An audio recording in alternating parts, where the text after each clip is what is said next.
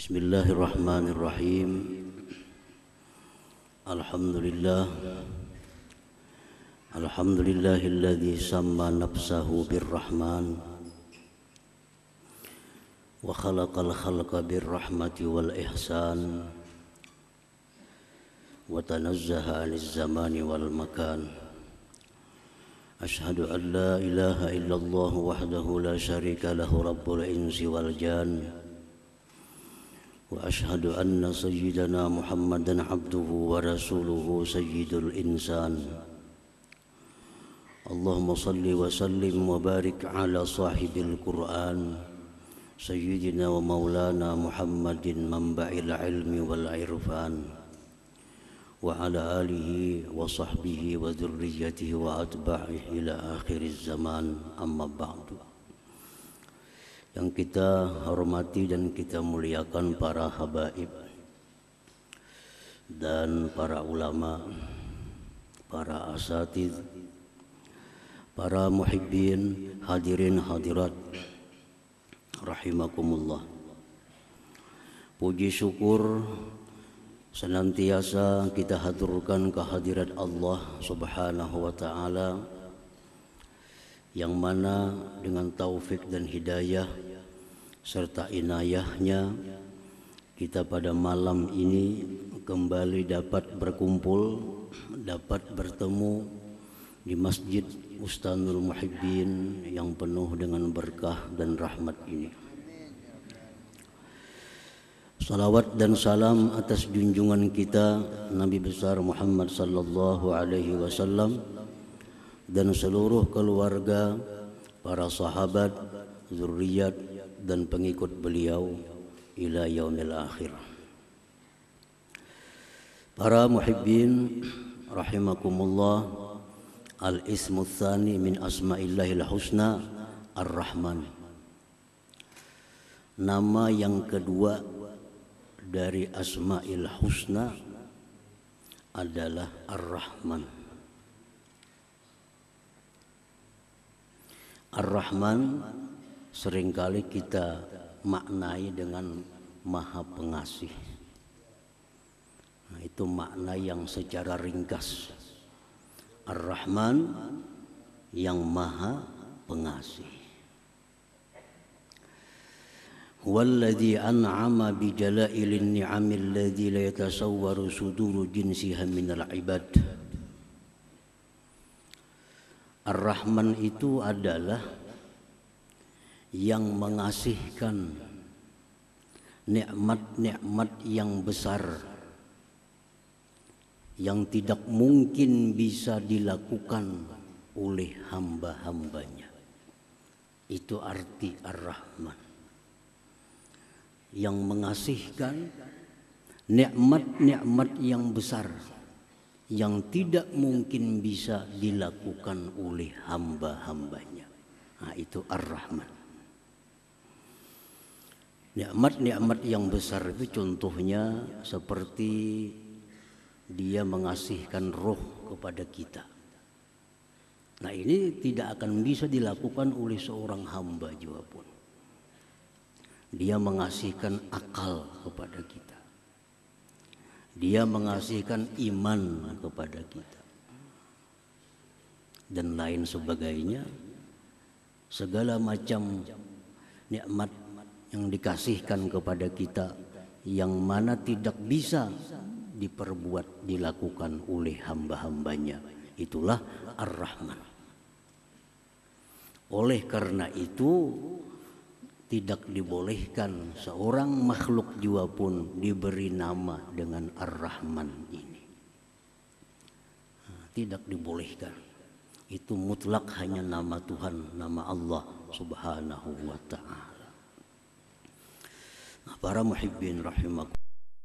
Ar-Rahman itu adalah yang meliputi kebaikannya untuk orang beriman untuk orang-orang kafir, untuk makhluk seluruhnya. Orang kafir itu bisa hidup, bisa senang karena Allah punya nama Ar-Rahman. Karena Ar-Rahman tadi adalah yang meliputi kebaikannya baik terhadap orang yang beriman, orang-orang kafir maupun makhluk yang lain. Oleh karena itu biasa di dalam doa disebut Ya Rahmanad dunia wal akhirah Wahai Rahman yang pengasih baik di dunia maupun akhirat. Rahmanad dunia wal akhirah.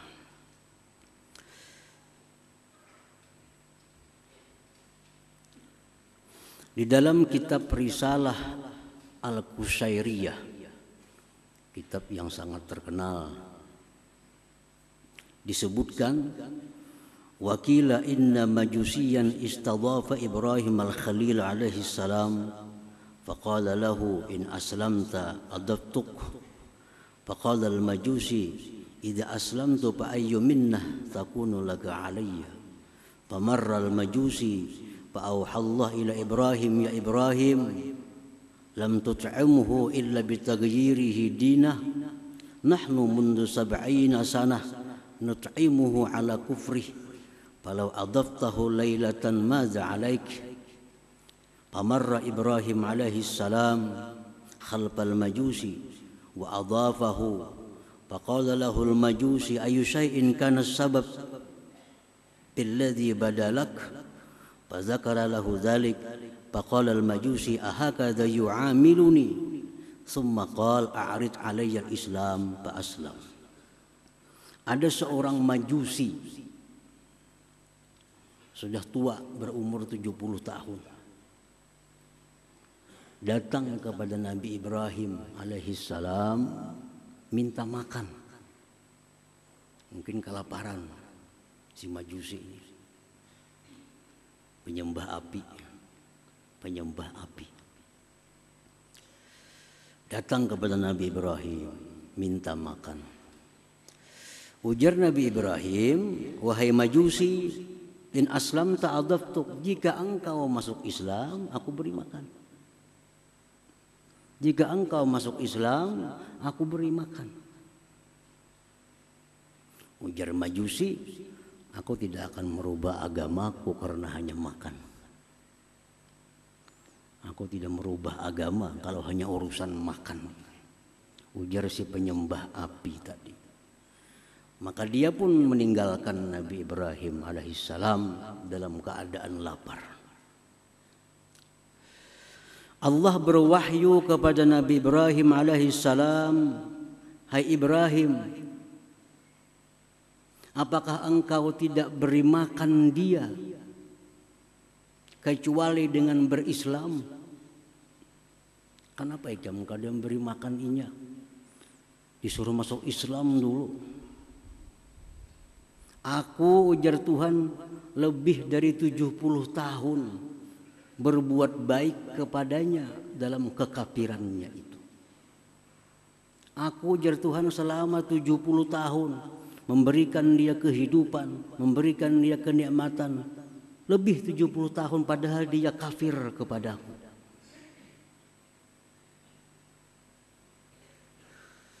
Andai kata engkau beri makan dia, tidak jadi persoalan bagi engkau wahai Ibrahim.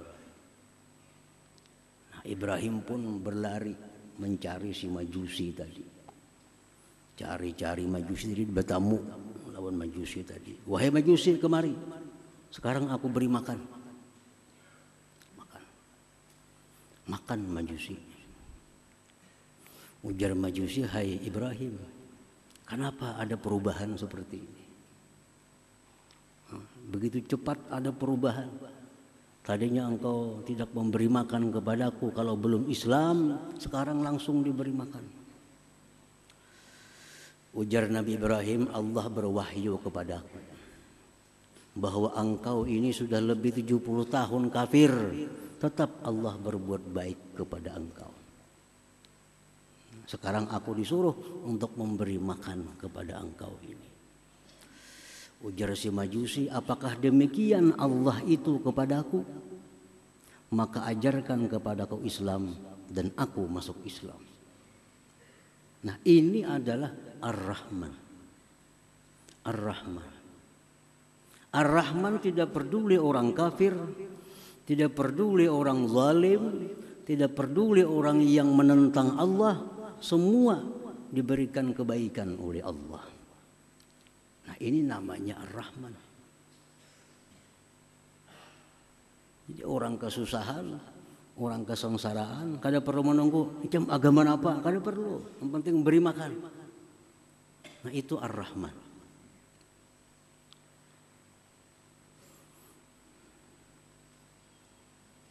Nah ini disebut di dalam kitab Risalah Al-Kusyairiyah. Bagaimana uh, Ar-Rahman itu. Jadi orang yang Tuhan yang bernama Ar-Rahman itu demikianlah. Demikianlah kebaikannya. Artinya pengasih tidak pilih kasih. Tidak pilih kasih. Para muhibbin rahimakumullah. Ar-Rahman Allah yang bernama Ar-Rahman mengasihkan nikmat-nikmat yang besar yang mana tidak bisa dilakukan oleh seorang hamba juga pun. Disebutkan dalam kitab Mafatihul Waib yang dikarang oleh Al-Imam Al-Fakhrur Razi. Hukiyaan Ibrahim bin Adham annahu qal kuntu dhaifan li ba'dil qaum faqaddamal ma'idah fanazala gurabun wa salaba ragifa fattaba'tuhu ta'ajjuba fanazala fi ba'di talal wa idza huwa bi rajulin muqayyad masdudil yadain fa alqal gurab dzalika ragib ala wajhi.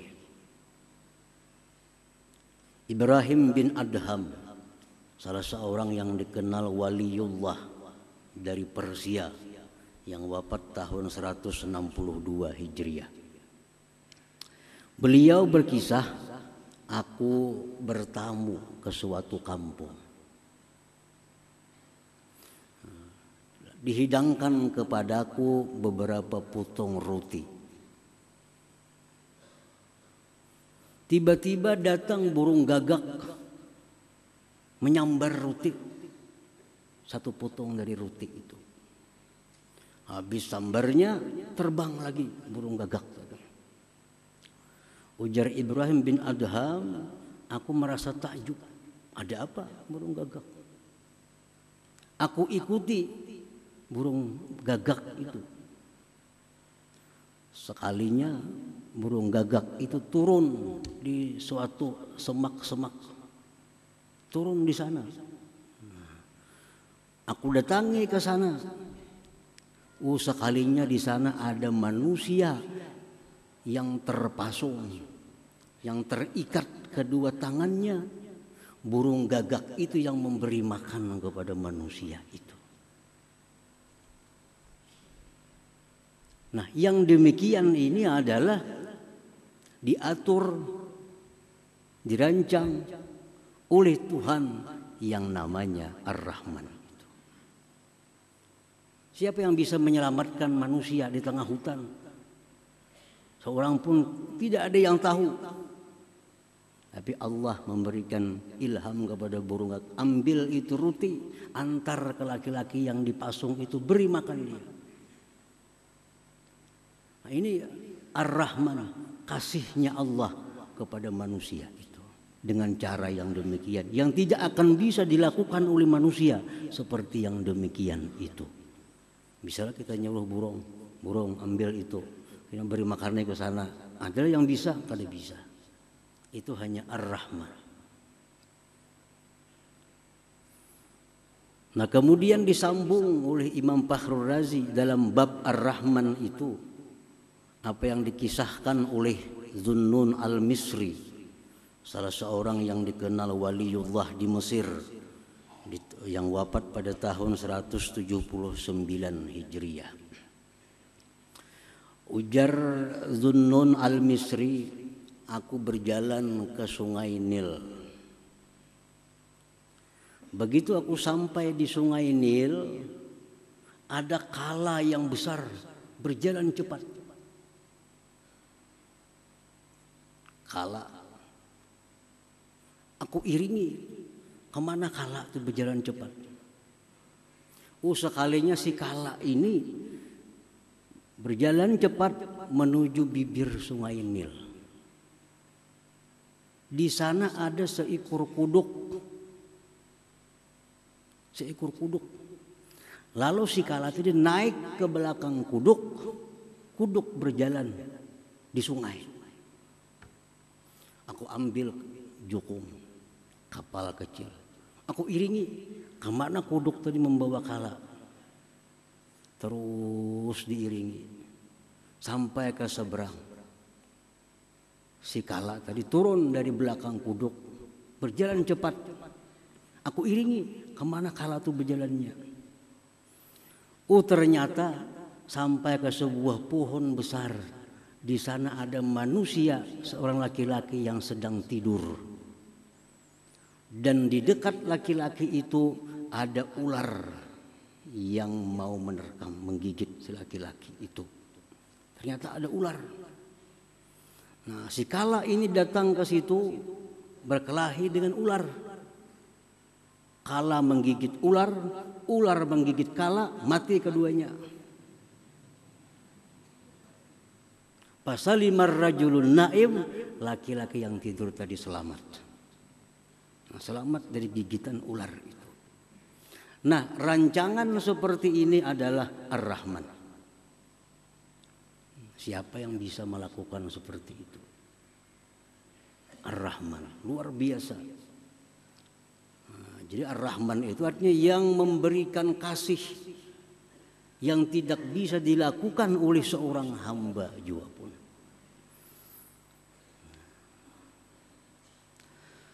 Para muhibbin rahimakumullah. Ar-Rahman huwa alladhi awsala khairatil hayy ilal mayyit. Ar-Rahman itu yang menyampaikan kebaikan-kebaikan yang hidup kepada yang mati. Orang yang sudah mati masuk kubur, disiksa dalam kubur oleh karena doa atau harapan yang hidup dalam kubur itu diringankan azabnya atau diangkat azabnya. Nah, ini adalah Ar-Rahman. Ar-Rahman. Siapa manusia bisa orang di dalam kubur disiksa, siapa yang kau menyelamatkan? Kada kawa. Tapi orang yang dalam kubur itu disiksa akhirnya diringankan siksanya bahkan bisa diangkat itu adalah pekerjaannya Ar-Rahman ini.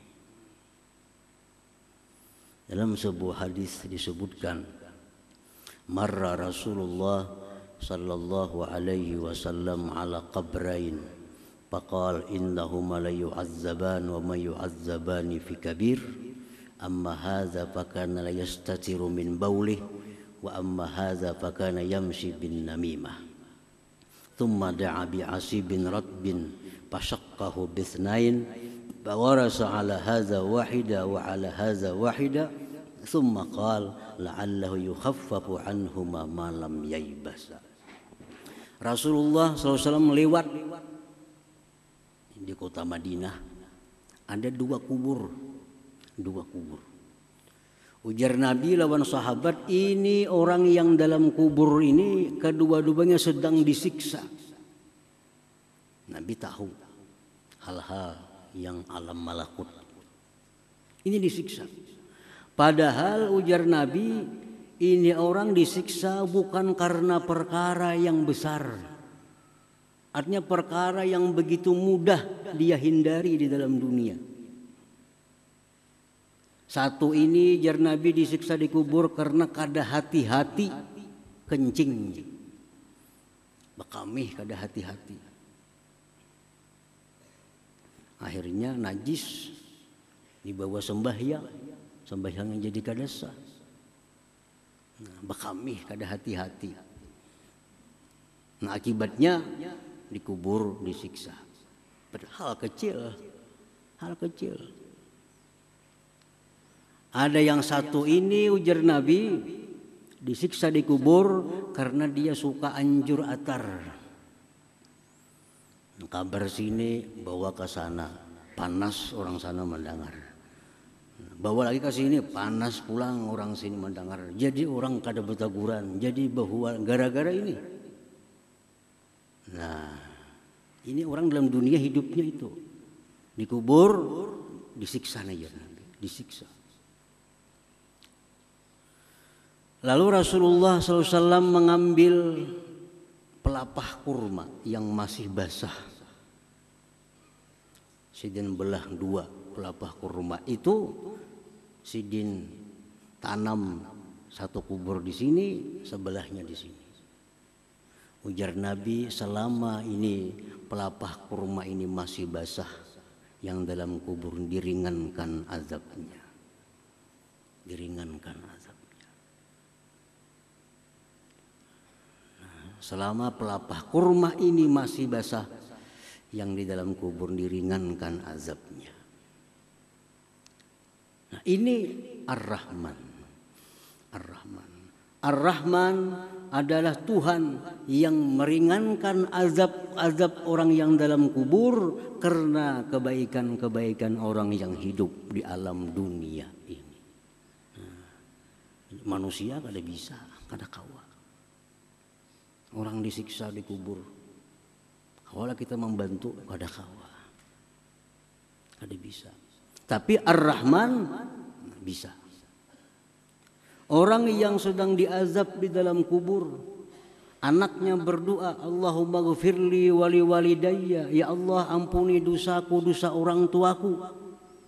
Ya Allah bangkitkan dia azab, hilangkan azabnya dalam kubur. Ini anak yang saleh berdoa kepada Allah, Allah kabulkan doanya. Akhirnya ibu bapaknya dalam kubur yang disiksa jadi diringankan siksanya atau diangkat siksanya. Inilah Ar-Rahman itu.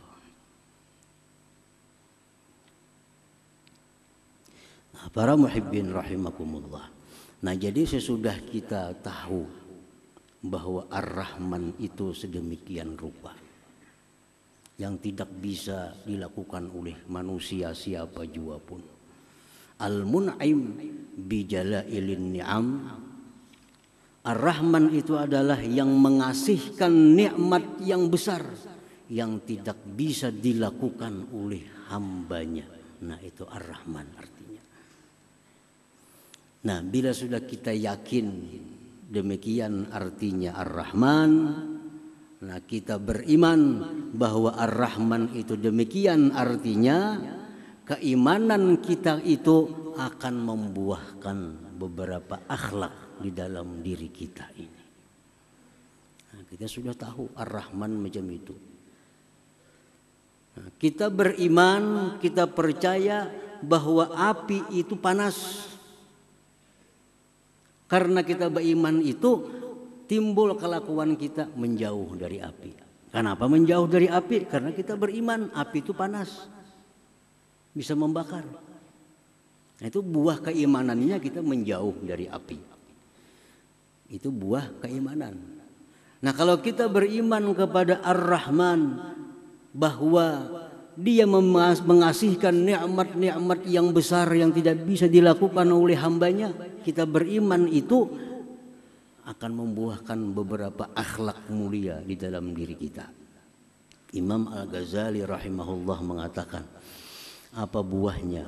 Ayyarhama ibadallah al-ghafilin fayasrifuhum an tarikil ghaflah ila azza wa jalla bil wa'zi wan nushi bi tarikil lutfi dunal unf wa ay yanzura ila al usad bi rahmah la bi ainil izra wa ay yakuna kullu ma'siyatin tajri fil alam ka musibatin lahu bi nafsihi fala ya'lu bi izalatiha bi qadri wus'ih. Rahmatan lidzalikal 'asi ay yata'arrada li sahatillah wa yastahiqqal bu'da min jiwari. Orang yang beriman kepada Ar-Rahman satu dia akan menyayangi. Menyayangi hamba-hamba Allah yang lalai kepada Allah. Dia akan sayang kepada hamba-hamba Allah yang meninggalkan Allah, yang menentang Allah. Dia sayang. Dia arahkan mereka itu ke jalan Allah dengan nasihat yang lemah lembut. Melihat orang yang maksiat, melihat orang yang menentang Allah, dia kasihan, dia sayang, lalu dia ajak ke jalan yang benar dengan cara yang lemah lembut. Pertama itu. Yang kedua, dia memandang kepada orang yang maksiat itu dengan pandangan kasih sayang, bukan pandangan menghinakan.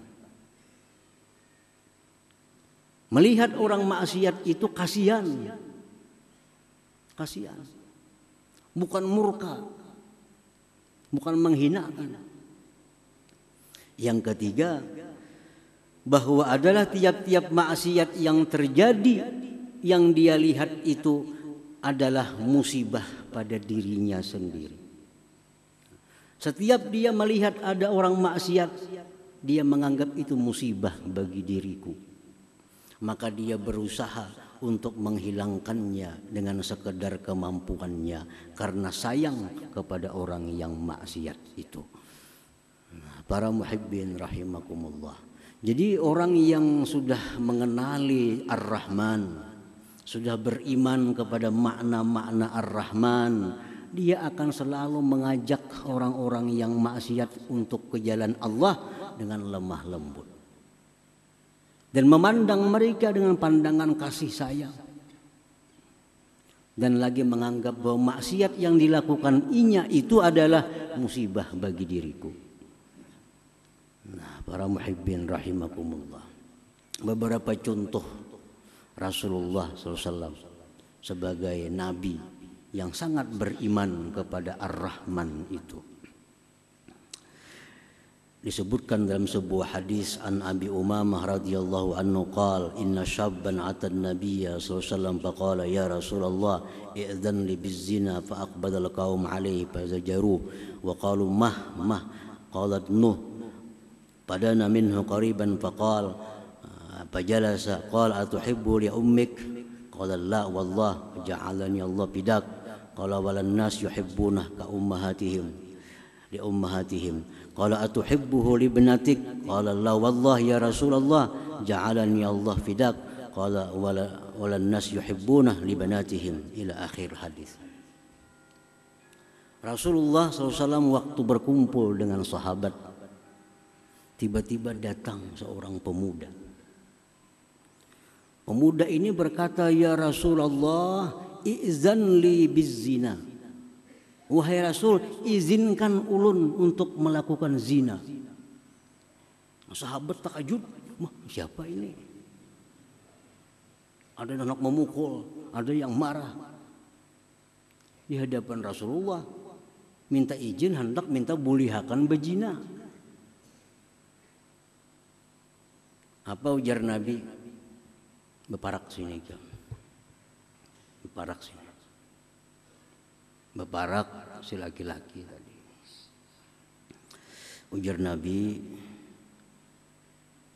ikam hakunlah.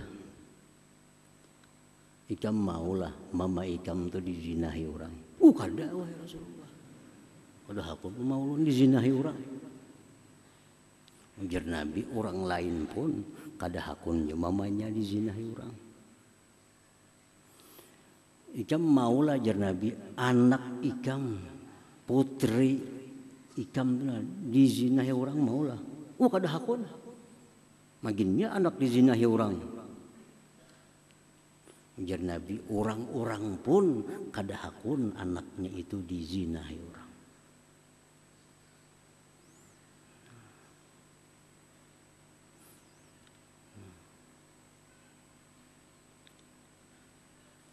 Ikam jar Nabi hakunlah. Acil ikam. Ading abah ikam. Ading mama ikam. Dizinahi orang. Kada hakun wahai Rasulullah. Jar Nabi orang gin kada hakun juga. Orang lain pun kada mau juga. Acil-acilnya dizinahi orang.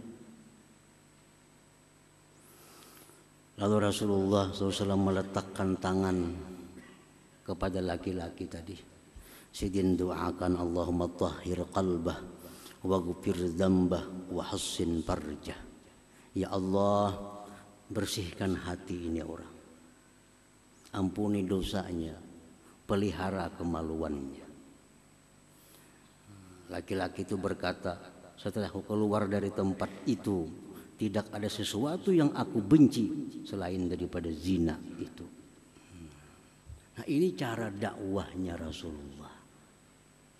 Rasulullah beriman kepada Ar-Rahman. Lalu dakwah beliau agar kembali ke jalan Allah dengan cara yang demikian. Dengan cara yang lemah lembut dan cara mendoakan mereka agar dapat petunjuk, dapat hidayah oleh Allah Subhanahu wa taala. Demikian pula kita dakwah kita terutama dengan anak-anak kita, keluarga kita. Ya dakwah kita demikian. Kita ajak mereka dengan jalan yang lemah lembut agar mereka lurus. Jangan lupa mendoakan mereka. Doakan mereka agar selalu di jalan di jalan yang lurus. Para muhibbin rahimakumullah. Dikisahkan tentang seorang waliullah yang bernama Ma'ruf Al-Karhi yang wafat di abad 200 di kota Baghdad.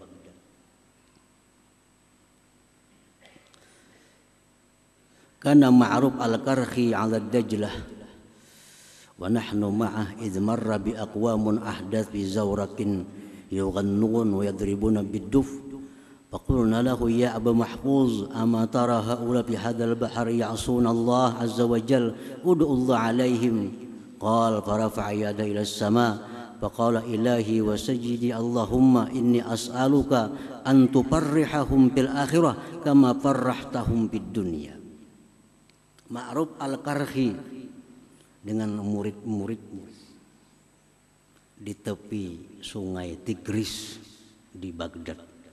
Di Baghdad itu ada dua sungai yang terkenal. Satu sungai Purat, dua sungai Tigris atau Dajlah. Satu hari beliau duduk di sungai, di tepi sungai itu dengan murid-muridnya. Tiba-tiba ada kapal lewat isinya pemuda-pemuda main musik No, main musik di kapal, pemuda-pemudi. Ujar murid-muridnya, wahai syekh, doakan dan tinggalam kapal itu. Nah, ini maksiat di tengah sungai nangka ini. Lalu Ma'ruf al-Karhi mengangkat tangannya ke langit. Beliau berdoa, Ya Allah, wahai Tuhanku, aku minta kepada engkau bahwa engkau gembirakan mereka itu nanti di akhirat sebagaimana engkau gembirakan mereka itu di dunia. Ya Allah, gembirakan mereka itu di akhirat sebagaimana kau gembirakan mereka di alam dunia ini. Wah, ujian murid kenapa doa kah itu pian? Ini muridnya hendak supaya tinggalam kapal itu terbakar ke apa kah